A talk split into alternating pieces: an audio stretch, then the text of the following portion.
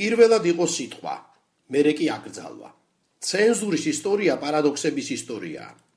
ასე მაგალითად რელიგიის თავგამოდებული დაცვის მიზნით ერთხელ სწორედ რელიგიას მიაყენეს დიდი შეურაცხყოფა და ზიანი. რელიგიის საკითხების გამკარგავმა უმაღლესმა ორგანომ მაინც და მაინც იმ ტექსტს გამოუცხადა სამტროსასიცოცხლო ბრძოლა, საიდანაც სწორედ ეს რელიგია იყო აღმოცენებული.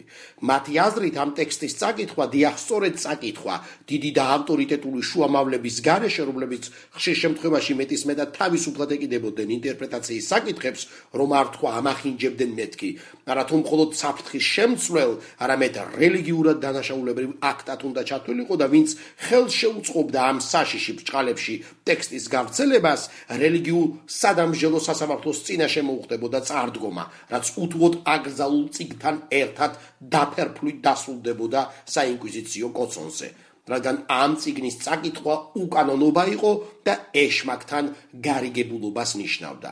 მაგრამ ცენზურის მიუხედავად ზოგიერთები არც თუ ცოტანი თავდაჯერებული გამბედაობით აგრძელებდნენ საკრალურ დიდმოხელეთა დოგმების იგნორირებას და მშობლიურ ენაზე კითხულობდნენ ტექსტს, რის შედეგადაც უშუალოდ ცენზორთა გარეშე იაზრებდნენ რა ედგა მათ რწმენას საფუძვლად.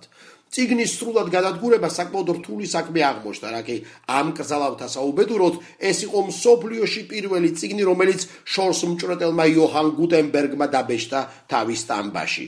ეს იყო მთავარი ქრისტიანული ტექსტი, სახარება, რომელიც უმსხვილესი პოლიტიკურ რელიგიური ინსტიტუციის, კათოლიკური ეკლესიის მიერ აიგზალა. ამრიგად შეიძლება ითქვას, რომ ძალაუფლების ქრისტიანულმა ცენტრმა ქრისტიანობის საფუძველ საფუძველი ბიბლია ჩათვალა საფრთხეთ. მაღალი იერარქებმა დაუშვებლად მიიჩნიეს, რომ ქრისტიანს თავის მშობლიურ ენაზე ეკითხა ახალი აღთქმა, ამ შემთხვევაში გერმანელს გერმანულად, რადგან ერთი ცნობილი ლიტერატურული ინკვიზიტორის არ იყოს, მის მსგავსად ახლა აღარც ამათ შირდებოდა ცოცხალი ღმერთი, რა კი უკვე თავადვე ქცეულიყვნენ მატერიალურ ღმერთებად. კითხვა სახიფათო იყო, რადგან კითხველი ცენზორთა დამოუკიდებლად შეძლებდა ფიქსა და განჟას, რაც სრულიად შეუძლებელი იქნებოდა უამრავი არამკითხველისთვის, რომლებიც ტრადიციულ ნორმად თვლიდნენ პოლიტრელიგიური დიქტატორების დოგმა ბრძანებებით ცხოვრებას.